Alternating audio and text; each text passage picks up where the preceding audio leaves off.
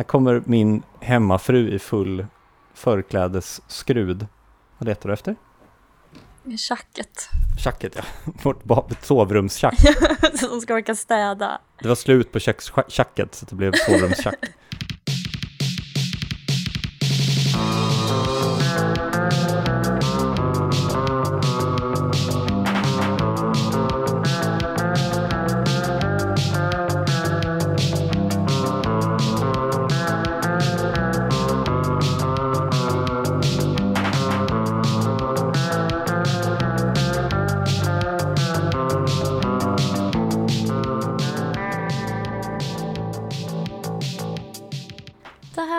Tusen saker, en podd om tusen saker där jag, Ellen, pratar med Kim om tusen samtalsämnen som vi skrivit i en lista under tre års tid och som producenten Sally nu hjälper oss att eh, slumpa fram. Eh, nej men vi försökte liksom göra en snygg lösning med vår router. Så vi ehm, stoppade in den i ehm, vår köksbänk. Eller var inte köksbänk? Typ snyggt! Ännu ett avsnitt av livsstilsmagasinet Tusen saker. Vi stoppade in den i vår tv-bänk. Eh, vilket gjorde att det var, blev supersnyggt. Men eh, internet fungerar aldrig. Så jag fick liksom sitta på en, ett jobbmöte igår och typ försöka liksom hänga med i någon slags rap. För det var som att den kunde spela upp fem sekunder tal jättesnabbt på en sekund. Sen behövde den buffra fem sekunder. Och sen spelade den upp det talet som den andra sa jättesnabbt. Så att allting liksom, det var liksom tyst och sen så bara... Fick du filmen som jag skickade? På Britney Spears? Ja. Ja. Jag tänkte att vi kan väl börja podden med det ljudet.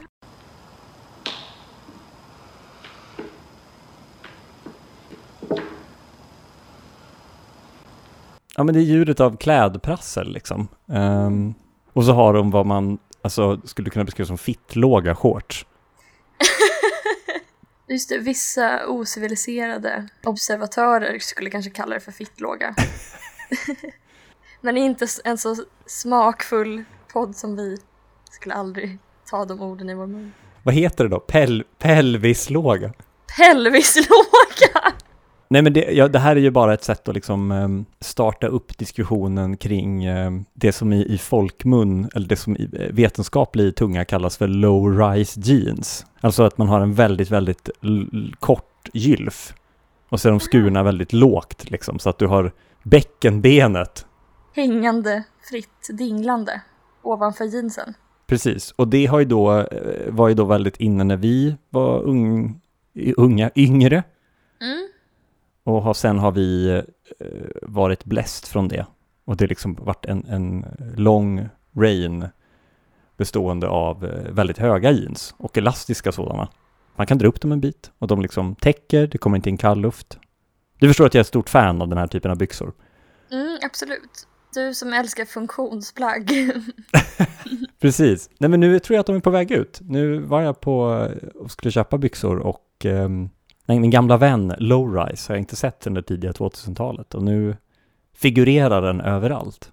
Har du någon kommentar? Nej, men det är ju oacceptabelt. Det får bara inte hända. Är du liksom redo för lowrise-samhället? Ja, vad innebär det? Att alla måste gå ner minst 20 kilo? Ja, Är vi beredda att betala det priset? jag vet inte om vi har så mycket val.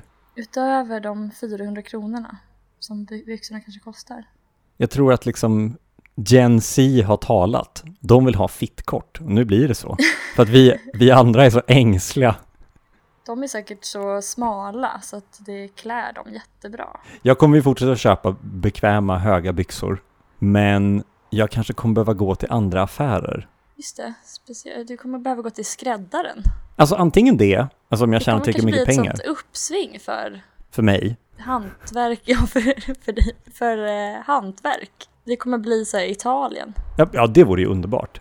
Eller så kommer jag börja gå på typ, alltså det kanske bara snart är liksom Dressman. Jag funderar på om vårt kulturella kapital är starkt nog för att lyfta Dressman när vi börjar gå dit. Eller om det inte är starkt nog mitt. så att vårt kulturella kapital kommer raseras av att börja gå på Dressman. Intressant. Mm. Hur många Dressmanplagg kan man ha utan att... Rasera sitt kulturella kapital. Fyra? plagg? Men kanske, ja. Så frågan är, jag har inte varit på Dressman på ett tag, men frågan är nu om jag kommer gå in där och liksom upptäcka att det som är Dressman-kläder, alltså det som har traditionellt förknippats med lågt kulturellt kapital, för det har egentligen inte så mycket med Dressman att göra som liksom det som äldre män har på sig. Kommer jag liksom komma in där nu och se att det ser ut som Weekday gjorde 2008? Att det liksom bara är svarta stuprörsjeans och typ button down-skjortor. Det kanske är så här mode utvecklas överhuvudtaget. Alltså det, det har att göra med åldrande. Att så här, en generation orkar inte byta stil liksom, vid någon viss ålder. Och det är så modet förlorar sitt värde typ. För att vi som blir äldre vill inte byta stil. För vi är så bekväma med våra höga jeans. Så då skifflar man bara över dem till liksom butiker för äldre. Men ska jag, för jag har en uppdatering också då. Och en liten eh, hänt sen sist. Är det här det som har hänt dig sen sist? Att du har sett ett klipp med Britney Spears? Eller har det hänt någonting annat sen sist? Eh, jag har sålt en massa saker på Tradera och Blocket. Jag har alltid varit livrädd för Blocket. Um, PGA Blocket-svenskar. Jag tror Mm. att det är en punkt i sig själv, så jag ska inte gå Mm. för, in på för stor detalj i det, men eh, jag märker liksom att min rädsla inför vad Blocket-svenskarna ska göra med mig gör att jag liksom blir en sån eh, krum Smålandsinvandrad, eh, eller liksom USA-invandrad Smålandssvensk när de kommer hem till mig. Det liksom öppnar dörren så bara kliv in i lilla stugan här så ska du få se på den. Den är inte mycket men den är min. Ge mig tre penningar så blir den din. Alltså så. Det är liksom noll självförtroende. Jag bara liksom, det känns som att jag ska öppna dörren och så komma in, bara peka på det jag säljer och säga fy fan vad fult. Okej, vad tyckte de då om dina möbler och ditt hem?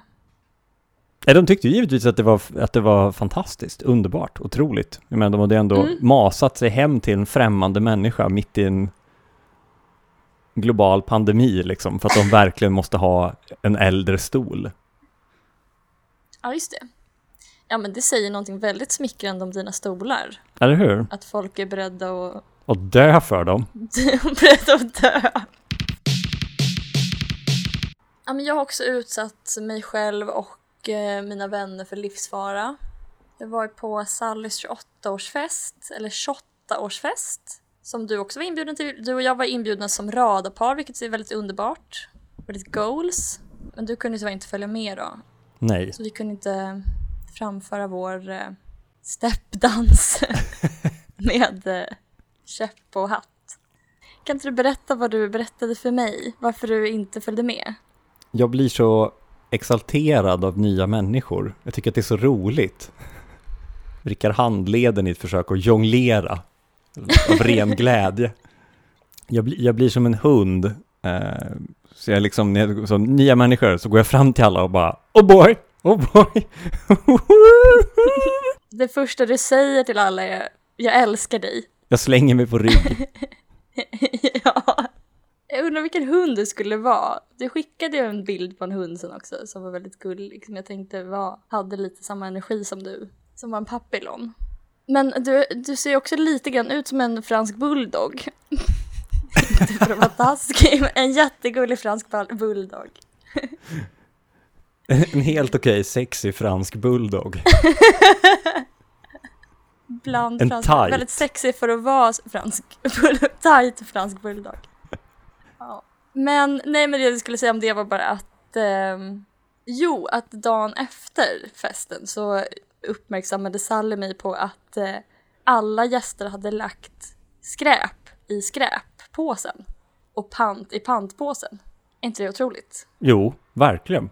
Så det innebär att eh, 28 är liksom åldern då man är vuxen, visar det sig. Men gud, hade hon, hade hon satt upp lappar för att visa vad som har var liksom? Mm. Var det extremt tydliga lappar? Ja men det var bara mm, helt vanliga bokstäver med helt vanlig eh, penna på ett helt vanligt A4-ark. Ska- Var det god kontrast? Var det svart text på vitt Ja, det A4? var svart på vit bakgrund ja. Det mest läsbara ska ju tydligen vara gul text på svart bakgrund. Mhm. Det var det inte. Nej, nej. Ja, då kan vi ju... Men, men satt de i ögonhöjd? Man var tvungen att liksom lyfta på dem för att se. Alltså det var inte så mycket Sallys förtjänst som hennes otroligt artiga, välartade, begåvade gäster. Ja, för det är ju antingen, alltså antingen är det ju ålder, extremt vänliga personer, eller så var du på en fest med nördar. Jag har tänkt på det, alltså jag vet inte om det, det kan ju också ha att göra med ålder. Jag bara tycker att folk är så himla trevliga nu för tiden. Det skulle kunna vara antingen en så allmän kulturell tendens, att det är så lite coolt att vara trevlig kanske. Eller så är det ålder. Eller så är det bara kretsen som jag umgås i. För sen också dagen efter festen så var jag så trött och då så liksom bara tog mina kompisar Filip och Erna hand om mig. Att de så här, typ strök mitt hår och så här baddade min panna och så här fläktade mig med palmblad. Jag tror att det är två saker som spelar in. Jag tror att det första är en, en, en, en, kulturell förskjutning av att vi har lyssnat på så mycket amerikansk kultur att vi har tagit in trevligheten från dem. Det är liksom först nu av pro, pro, eh, programmeringen av vårt liksom öststatsarv har börjat. Ja, alltså jag vet inte, jag kan inte så mycket om eh, hur svenskar har varit. Jag bara, jag bara trodde att vi alltid hade varit relativt trevliga, förutom i början av 1900-talet när vi var så här ökänt bråkiga typ. Men att vi kanske har blivit väldigt trevliga av så här, folkhemmet. Eller så är det motsatsen, det är kanske är det som händer. Alltså vi har inte bara fått amerikansk kultur, vi har också blivit av med vår välfärdsstat. Och bara, ja, just det.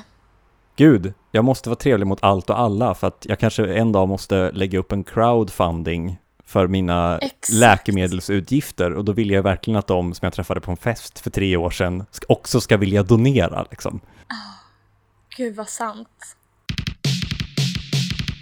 Det är typ det här jag ska prata om också, för att det som också hände på den här festen eh, var att jag träffade Friend of the Pod, Per, en helt otrolig man som bara tidigare liksom har varit som en hemlig välgörare som liksom har verkat i det fördolda men som jag nu då fick ett ansikte på. Och då så skickade han en artikel till mig, för då hade han hört avsnitt 10 då, där vi, när vi pratade om eh, imposter syndrome. Mm. Men då skickade han en artikel som handlade om flygplanskrascher på 80 och 90-talen och även alltså lite på senare år, även om det men framför allt på 80 och 90-talen så hemsöktes eh, Korea Air av eh, ovanligt många flygplanskrascher. Och då så är det Malcolm Gladwell som är så populärvetenskaplig journalist. Eh, han har skrivit en bok som heter heter eh, Outliers och ett kapitel där som just handlar om kulturella förklaringar till flygplanskrascher. Den typiska flygplanskraschen är ofta orsakad av så flera olika faktorer tillsammans som är typ inte så mycket att man har problem att navigera utan mer brister i kommunikationen. Och då är det just sådana saker som påverkas av konfuciansk kultur i Korea. Det är dels väldigt så här hierarkiskt och ja, men det är liksom en sån här hederskultur eller vad man ska säga. Att det är väldigt, ja, men det är, eller en hövlighetskultur. Att och man måste respektera äldre och man måste respektera överordnade. Så att eh, då har det varit ja, men till exempel en krasch 1997 som orsakades av att det var så här auktoritär kultur i cockpit. Besättningen vågade inte uttrycka sig ordentligt. Typ. Eller de kommunicerade på ett så väldigt omständligt sätt. Och, så här och sen 1999 så var det också att så här, något lägre befäl var för blyg för att säga till typ kaptenen. Han bara, nådig herrn. Eller så, här, så här, inte liksom avsluta meningen innan planet bara så här, kraschar. Eller att, att, att, kan det vara så att de upptäcker något som är fel men tänker att första piloten måste veta det redan? Han måste komma på det själv så att de måste så här, kanske så här nicka menande mot instrumentbrädan och sätta upp någon pil, någon liten subtil lapp. Vid bränslemätaren. Denna kanske är lite viktig. Puss och kram. Jag tror inte att plan har en sån bränslemätare som i filmer. En sån full tom och så lite rött längst ner. Det är kanske också en brist i kommunikationen i så fall, att det är en bränslemätare som är helt omöjlig att tyda. Nej men så det är i alla fall ett exempel då på när det kan gå fel för att man så här, håller på med något slags skådespel liksom. Och att det kommer, kommer i första hand hela tiden. Så här, kommunikationen är viktigare än att planet håller på att krascha liksom det kopplar ihop med imposter syndrom som att den typen av kulturella skådespel kan i förlängningen leda till 130 människors död. Mm. Så du har liksom hittat ett långt sätt att tvåla till liberalkillar som bara fake it till you make it. Då ska du bara Har du hört vad som har hänt i Korea 1999? Exakt. Ja, det är ett väldigt omständligt sätt att äga typ Alexander Pärleros. Om vi hade haft lyssnare hade jag fått jättemycket skit nu, men jag vill minnas att jag läste en um, typ I fucking love science artikel där de hade testat att ha mjukare inredning i cockpits. Mm. Och så sen då hittat på något form av mått på hur väl eh, första och andra pilot kommunicerade. Och så upptäckte Mm. de att um, när det var mjukare inredning, då var de mycket snällare mot varandra och kommunicerade Mm. bättre och hade en öppnare liksom, kultur. Istället när det är ett svart hårt lädersäte så kanske de hade någon sån liten fransig kudde. Ja, just det, man sitter i varsin saccosäck. det är tydligen en relativt beprövad metod att så här, möblera om bibliotek eh, för att eh, det ska bli lugnare typ. Ja men så vi har till exempel flyttat vårt barnavdelning. Långt bort. Nej, utan snarare den är liksom i precis när man kommer in. Barnen har liksom en stor yta precis när man kommer in. Mhm. Så att de vuxna liksom måste gå igenom det på något sätt och lugna ner sig. Eller jag vet inte exakt vad det är som händer. Men gud vad smart. Ja men det är klart, det är svårt att gå in på bibliotek och dra kniv om man först måste gå förbi en tvåårings tindrande ögon. Ja, exakt. Men gud vad smart. Varför gör man inte det överallt? Bara sätter in eh, massa spädbarn. Men så Arbetsförmedlingen har, har liksom ett hunddagis vid entrén. Då blir vi också av med alla allergiker. ja. Förlåt, nu ska min hund bara dricka lite vatten här i bakgrunden. Du får inte ta med dig i podden så alla tror att vi är dog left media. Det är klart de vill ha hundar överallt. De är ju hundägare själva. Eller att det är du som börjar så lapa ur en skål. Förra avsnittet tuggade jag ju liksom på en helt- pinne. ja, ja, ja. Men jag tänkte också på, alltså jag har inget, inget liksom eh, väl utvecklat resonemang om det, men just med konfucianska länder, varför uppstår det sådana här trevlighetssamhällen och artighetskulturer, liksom och hederskulturer? Det är ju kanske det är ett väldigt stort ämne, men du var precis inne på det, att så här, om man är väldigt beroende av gruppen typ, för sin försörjning och man lever i ett ganska så här, korrupt samhälle så är det väl, då är det viktigt att vara trevlig, liksom artig och, och just så här, om man är väldigt beroende av sin grupp då kan gruppen också styra en mycket mer, så här, straffa en och belöna en. De olika sociala koderna får liksom större genomslag. Ju mer beroende du är av gruppen desto mer kommer gruppen utnyttja det till att så här, kontrollera dig på ett sätt som är fördelaktigt för gruppen också kanske. Mm. Men sen så börjar jag tänka att det är så många olika länder, alltså det, de verkar inte så lika varandra. Alltså så Japan och typ Saudiarabien verkar inte vara jättelika. Men båda är ju så här hederskulturer i någon mening. Eller Korea till exempel. Mm. För det känns som så här superindividualistiska länder men samtidigt så har de det här att man måste gå och hänga sig liksom om man eh, jobbar typ sju timmar en dag. I Sverige så ska du ju tekniskt sett inte behöva förlita dig på någon. Du behöver inte sticka till Stureplansgruppen 20 kronor till i tron om att de ska rädda vår sjukvård någon dag. Om du kan förvänta dig exakt samma bemötande så här, som vem som helst. Så här, alla blir behandlade exakt likadant av alla myndigheter, all så här, samhällsservice. Du kan inte få liksom, några personliga fördelar bara för att du känner någon som jobbar på Arbetsförmedlingen. Då skapar ju det en liksom, kultur, tänker jag, där man kan stå i kö och man kan eh, så här, du behöver inte antingen vara väldigt krävande, alltså det, det märker man ju på biblioteket att det finns två vägar. Att så här, antingen så är det att folk så här, knäpper med fingrarna och tränger sig före typ för att få Mm. komma först. Typ. Eller så är det tvärtom att så här, folk trixar och eh, är väldigt så här, oh, höga bibliotekarie. Oj, jag glömde visst eh, 200 kronor här på, i den här boken. Det kan liksom gå both ways. Men om man vill undvika den typen av korruption så behöver man ha liksom ett total rättvisa. Liksom. Allt är bara styrdokument, typ. Alla gör exakt likadant. Alla är tjänstemän liksom, som är helt utbytbara. Ska vi köra en punkt eller hade du mer? Ja, ja gud. Verkligen. Nu har du lyssnat på Red Scare igen. Oh my god yes. Let's do it. Punkt 314. Jag har varit i Aspudden. Det var intressant. Ja, ni har varit i Aspudden. Det här var ju, måste ju vara tre år sedan, så jag skulle försöka komma på vad som var så intressant med Aspudden. Um, det var när vi funderade på att flytta till Stockholm, så vi var där och tittade liksom var kan man bo i Stockholm, vad är fint? Mm. Och, um, det var ju på den gamla goda tiden när vanligt folk fortfarande, om de skuldsatte sig maximalt, kanske kunde bo i ett cykelskjul, Aspudden. Men då var vi de enda som inte var gravida. Och då tyckte jag det var väldigt spännande, men nu är liksom hela mitt Instagram-flöde bara gravida. Mhm. Vi kanske kan avskriva den punkten med att jag upptäckte att människor är äldre än mig och har barn. Folk eh, kan bli gravida emellanåt. Ja, precis. Det händer. Ja, men det är i och för sig lite intressant att just att alla var gravida just i ögonblicket som du råkade vara i Aspudden. För så ofta är man inte gravid. Men alltså är det för att vi har blivit äldre eller har barn blivit inne? Jag tror att det har liksom slagit över för att det har liksom blivit allt mindre möjligt att göra karriär. Vår generation kommer aldrig få så hög eh, materiell levnadsstandard att vi någonsin har råd att skaffa barn. Så då kan man lika gärna göra det när det passar kroppen och inte när det passar plånboken. Det är ju helt bakvänt. ja, det är verkligen upp och nervända världen. Det är väl lite som att köpa en veteranbil.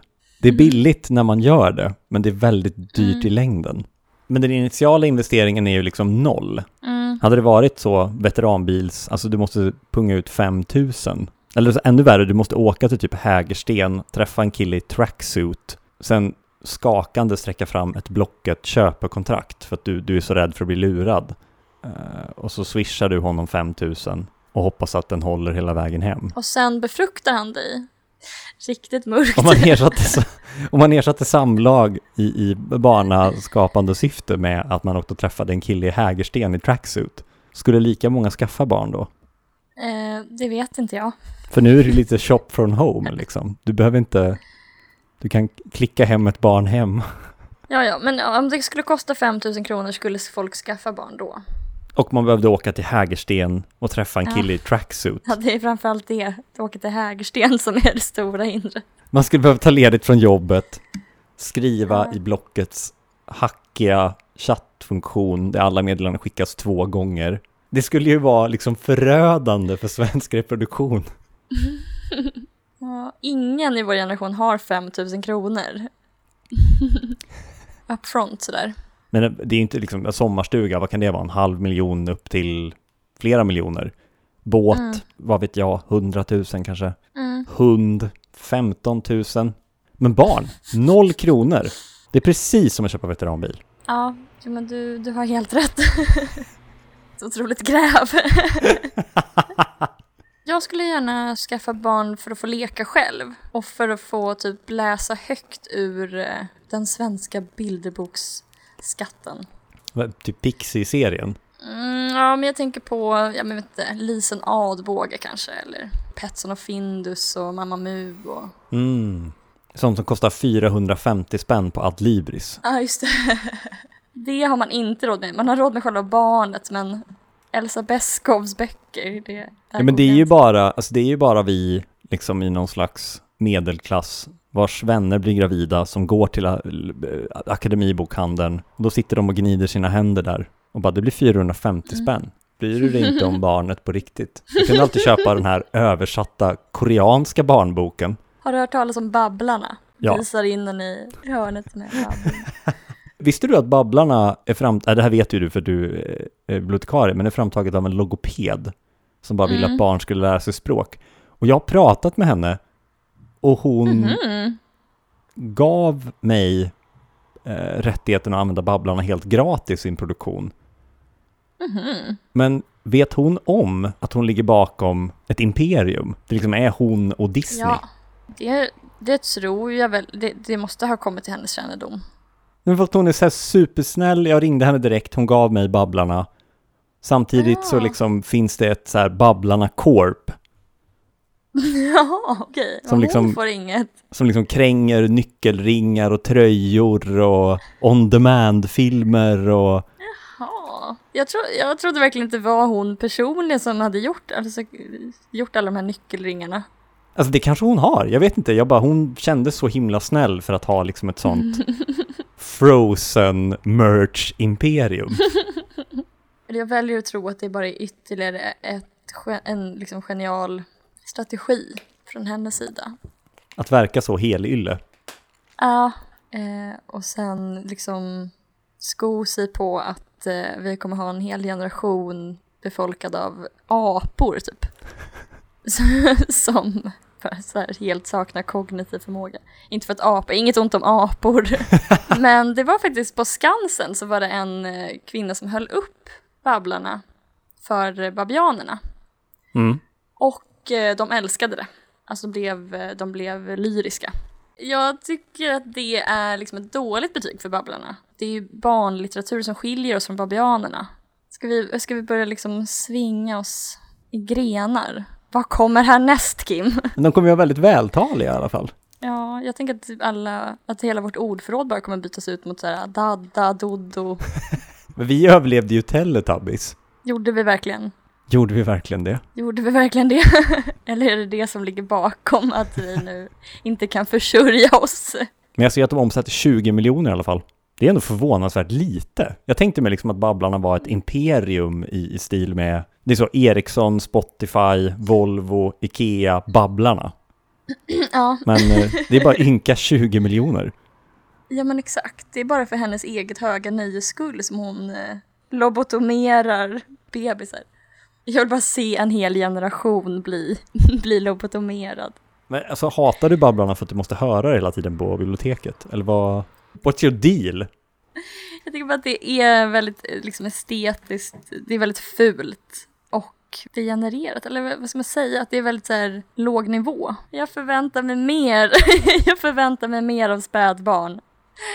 De kan, de kan inte hålla på så bara dadda, diddi. Jag blir uttråkad Kim. Kan inte du göra så, Marx för barn? Kommunistiska manifestet kan man ju klämma på någon eftermiddag. Maus lilla röda. Det är perfekt format för en bebis. Är tur att vi inte har några högerlyssnare som kan äga oss genom att säga att Das Kapital är barnlitteratur. Hallå? Hallå, jag håller på och läser om, om på marxist.org. Uh, good uh, books to, um, to give to your children. Brave Potatoes by Toby Speed. Illustrated by Barry Root. Det handlar om en potatis som är världens finaste potatis. Känns inte det, alltså, känns inte det bara som det spelar i händerna på högern? Att det ska handla om typ så här rovor? Ja, i alla fall. Det handlar om en potatis på en, en, eh, en farmers market som, ehm, som har, eh, alltså the farmers market har karuseller också. Så potatisen vill åka karuseller men får inte för um, kocken som ska hacka upp potatisen och alla hans kompis rotfrukterna i en delikat uh, soppa. Men det kocken inte vet om är att rotfrukterna har organiserat sig för att återta matproduktionsmedlen. Är huvudpersonen den här delikata potatisen. Japp. Någon slags adelsman bland rovorna. Nej, nej, det- nej, men det är... um, Proletär potatis. Förlåt, det är flera potatisar i en fackförening. Boken lyfter också frågor kring arbetsmiljön i restaurangkök. Punkt 376. Kim är för målmedveten när han mejlar. Minns du vad det, vad det här handlar om? Det kan gå på två sätt det här. Antingen så betyder det att jag skriver att mina mejl är så Hej, gör det här, hej då. Men jag tror Mm. att det är den andra vägen, att mina mejl är lite mer som att läsa ett recept på en blogg. Jag föddes i den lilla värmländska byn Säffle. På den tiden hade byn cirka 17 000 invånare. Mina första steg tog jag i ett grått eternithus med tre våningar. Det fanns två lägenheter i huset och på den andra våningen bodde en snäll tant som hette Edith. Ni förstår, Edith liksom ingick i köpet som mamma sa. Hon hade bott där sedan hon var liten flicka och ville inte flytta ifrån sitt barndomshem. Så hon och min mamma ingick en deal om att hon skulle få bo kvar. Och oj vad roligt vi hade. Edith älskade att laga mat. Och det här är hennes tomatsoppa. Det är mina mejl, fast det är liksom, um, varje mejl måste vara liksom det absolut bästa mejlet. Någon kanske ber mig om så här, vilken storlek är det på filmen? Då kan det bli, hej, film för mig har alltid varit ett sätt att kommunicera med känslor. Jag förstår du? Det, det, eh, och och det, det gör att jag liksom blir överväldigad av projektet att skriva ett, ett mejl. Ja. Så leta giffar som passar in och så. Hur, hur är du när du skriver mejl? Förutom Jag? att du avslutar dem med bästa hej. Nej men jag skriver bara här är filen, bästa hej. jag sätter viss prestige i det också att eh, liksom, jag vet inte hur jag ska säga det här på ett sätt som inte låter odrägligt men alltså jag, jag är liksom intresserad av litteratur kanske och text. Mm. Och då, då har jag liksom en föreställning om att så här, det får inte finnas något överflödigt i texten.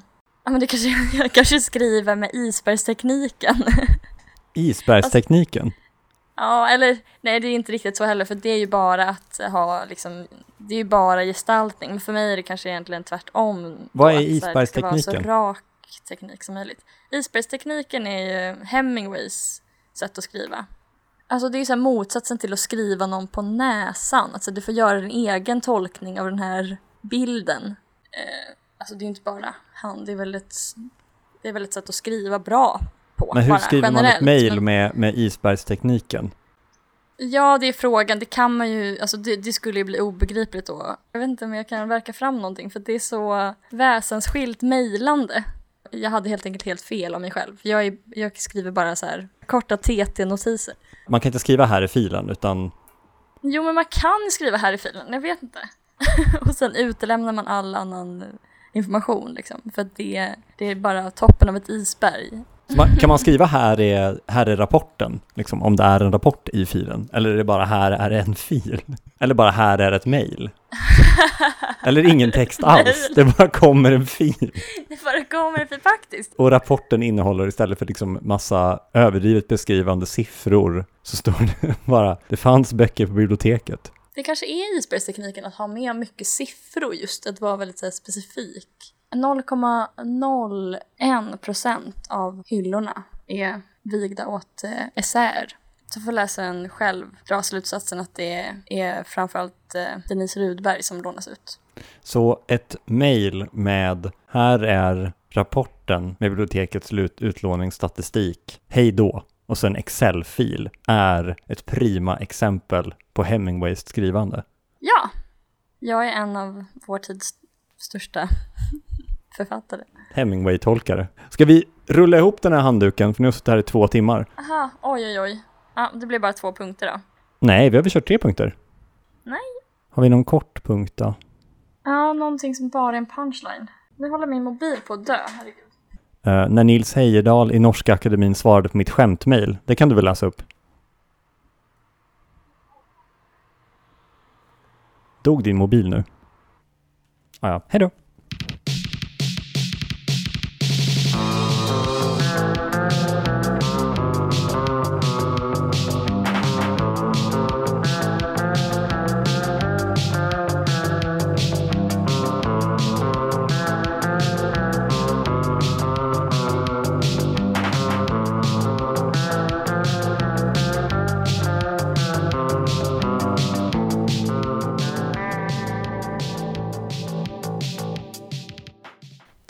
På Tusen saker. Vi kommer ut på tisdagar klockan sex på morgonen. Producent var Sally Eriksson. Jag heter Ellen Theander. Den andra personen heter Kim Johansson. Eh, ansvarig utgivare är jag, tror jag. Tack för idag. Hej då.